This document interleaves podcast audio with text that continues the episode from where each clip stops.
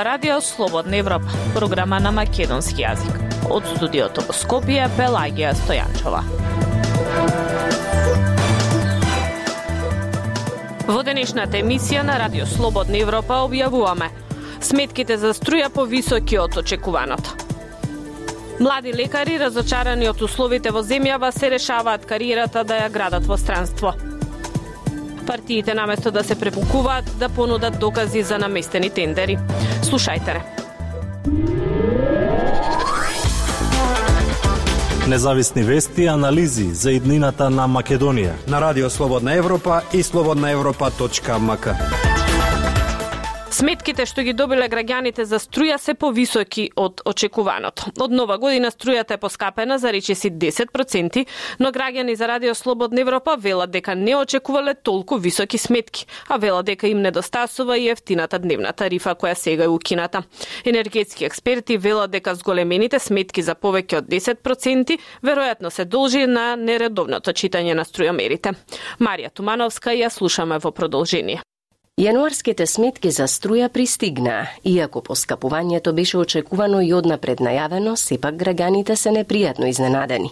Некои од нив велат дека сметките за електрична енергија се многу повисоки од очекуваните 9,48% изголемување. Од прошлите месеци, прошлиот да кажам, имавме некоја сметка околу 4000 денари, а овој месец кога дојде 5400, значи за 1500 денари некаде а, покачено. И покрај тоа што знаевме дека ќе се качи, ама пак за нас беше изненадување. Инаку ние сме пензионери, дома сме, секој ден се оклучува за нешто, те за кафе, за чајче, се готви, ама многу е скапо. Не може на овие плати од пензииве да издржиме. Изјави Вера од Струмица. Повисока сметка за околу 1000 денари добила и пензионерката Олгица од Скопје. Таа вели дека многу внимава на потрошувачката, но и покрај тоа сепак треба да плати многу повеќе. Добро, зимно време факт е дека се троши повеќе, меѓутоа јас многу водам сметка, претежно све ноќе работам, готвам навечер за три дена на ефтина струја и па е висока сметката. Овие се само дел од граѓаните кои реагираа на повисоките сметки за струја. Од друга страна пак енергетските експерти велат дека зголемените сметки за повеќе од 10% е најверојатно резултат на нередовното читање на струјомерите од страна на Евана. Они имаат некој за останатин или паушал на плаќаат и вие, да речем, мене за декември ми наплатиле паушал како во ноември или во октомври. А декември е поладен и сум трошил повише енергија, да речем. И сега во јануари го сравнуваат со цената и тие ми ги ставаат некаде во потрошувачката. И тука народот не гледа да речем најчесто до која дата е едната цена, до која дата е другата цена. Да, и затоа си вика сега па не се 10% да. повеќе се. Да, да, да, да. Они они ја гледат купната сума, не ја гледат по потрошувачка на киловат часови колку им е ставен. Вели професорот Трајко Ајдов. Одевана пак постојано повторуваат дека секој месец ги отчитуваат броилата и дека ниските температури се всушност причина за поголемата потрошувачка на струја и повисоките сметки. Во меѓувреме останува и дилемата колкаво е реалното поскапување ако се земе предвид и укинувањето на ефтината тарифа.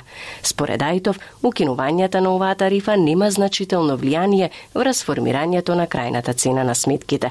По одлуката за поскапување на струјата пак председателот на регулаторната комисија за енергетика Марко Бислимовски тврдеше дека доколку не се укинала дневната ефтина тарифа, зголемувањето на цената на струјата требало да изнесува 14,23%. Во меѓувреме, ноќната ефтина тарифа и ефтината тарифа во недела остануваат да важат. Слободна Европа. Следете на на Facebook, Twitter и YouTube. Речиси 600 доктори во изминатите 5 години побарале потврди од лекарската комора кои им се необходни за студиски престој или работа во странство. Најчести дестинации за заминување на младите лекари се Германија, Словенија и Хрватска, а дел успеваат и на американскиот пазар. Но има и лекари кои одлучиле да останат во земјата и тука да градат кариера. Владимир Калински има повеќе на оваа тема.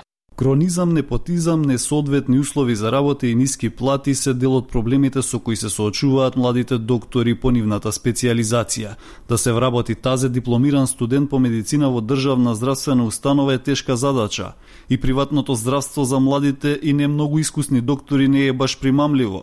Поради овие причини, голем дел од младите доктори својата иднина и професионален развој го бараат во западните земји.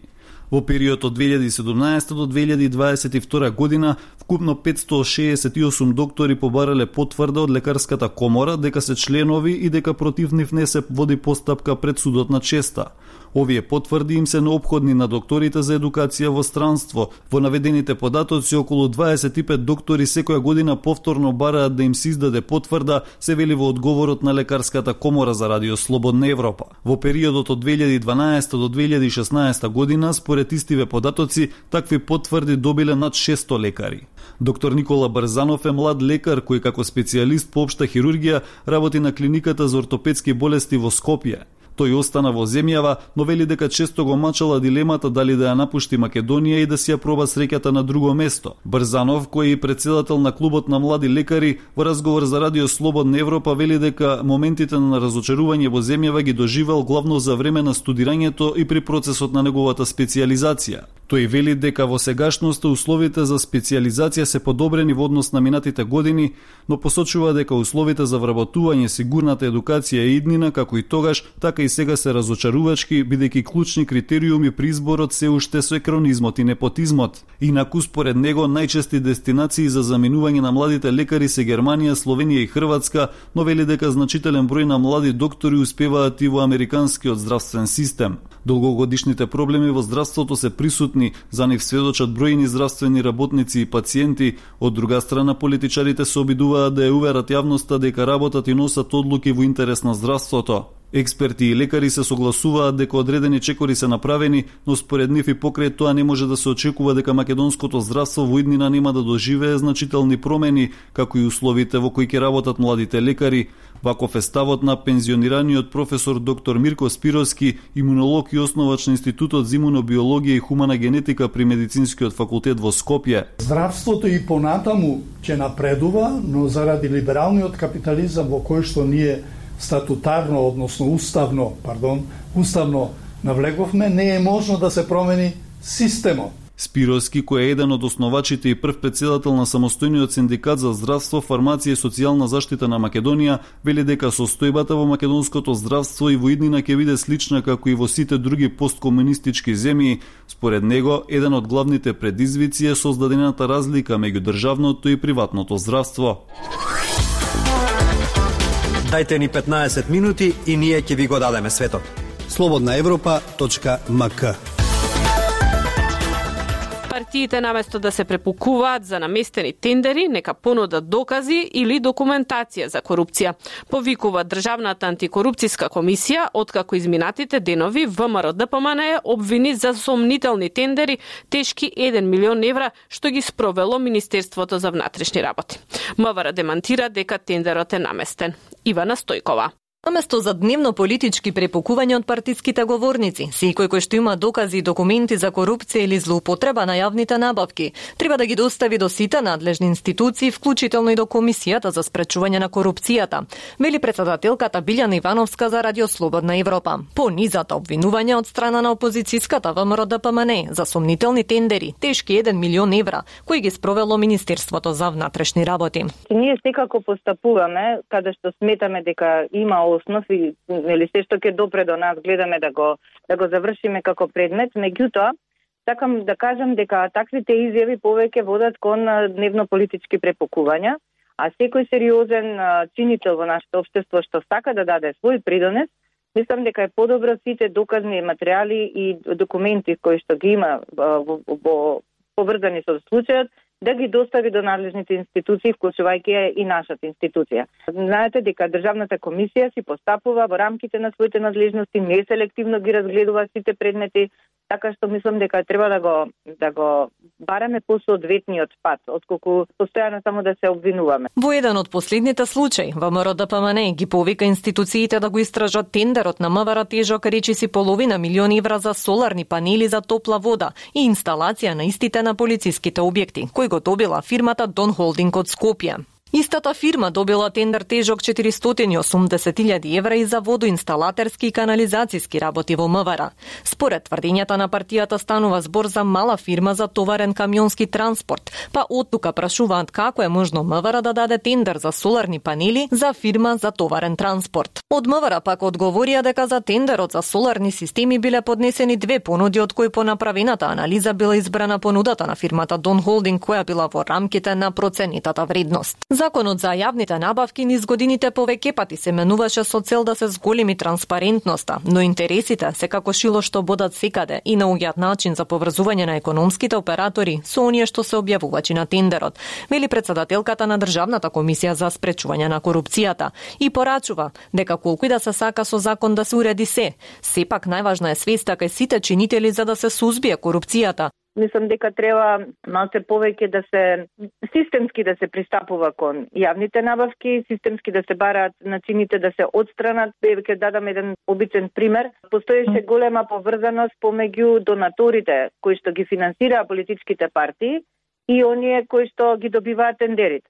Во последниве три години ДКСК ги следи донаторите, вклучувајќи го и начинот на следење на нивните трансакцијски сметки на дневна основа и сега можам да кажам дека за последниве избори средствата од донатори се многу, многу помалку во однос на другите средства што ги добиле партии. Ивановска укажува и дека коруптивниот начин на однесување, особено во процесот на јавни набавки, доведува и до 10% загуби од буџетот на државата. Култура и уметност. На Радио Слободна Европа. Дела на повеќе од 40 македонски ликовни уметници од неколку генерации кои работеа на тема повторно поврзување, обновување, воздигнување, реконструирање, ќе бидат изложени на 19-тиот зимски салон на Длум, што од 9 до 19 февруари ќе се одржи во Чифтамам. Лјупчо Јолевски.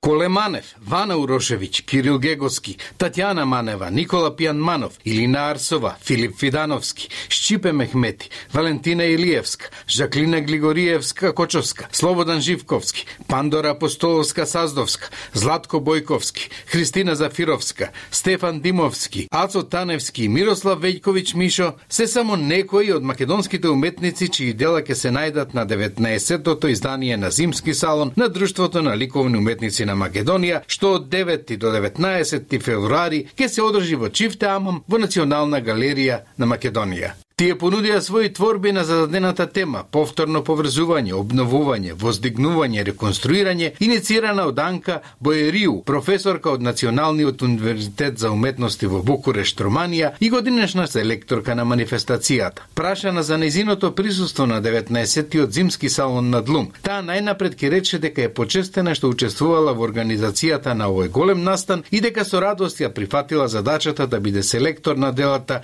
за ова издание на манифестацијата манифестацијата. Во пресрет на незиното отворање, истакнува дека речиси се е готово со поставувањето на делата во Национална галерија и дека публиката ќе има можност да проследи еден несекојдневен ликовен настан. I'm quite pleased to see that the artist got the energy. Навистина сум задоволна што уметниците имаа енергија да продолжат понатаму и да одговорат на нашиот повик во овие тешки времиња, бидејќи како што вели насловот на нашата тема, повторно поврзување, обновување, воздигнување, реконструирање. Јас на вистина мислам дека културата е многу значајна во општеството, посебно во вакви комплицирани моменти и таа има енергија и сила да ги обнови општествата во овие зли времиња. Шетајќи се сега по галеријата за забележав дека на овој настан сме представиле многу силни авторски личности кои се поврзани со актуелниот момент на современата уметност преку најразлични творечки техники. Вели селекторката Анка Боериу. Таа и со дополнување дека е навистина среќна што со себе од романија на годинашново издание на изложбата Зимски салон донела и пет автори гости. Уметници како Марија Петку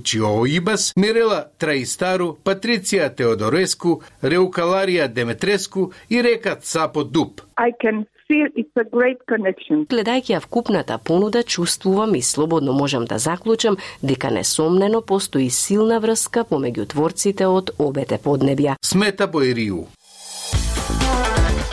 Ја слушавте емисијата на Радио Слободна Европа, програма на македонски јазик. Од студиото во Скопје со вас беа Пелагија Стојанчова и Дијан Балаловски. До слушање.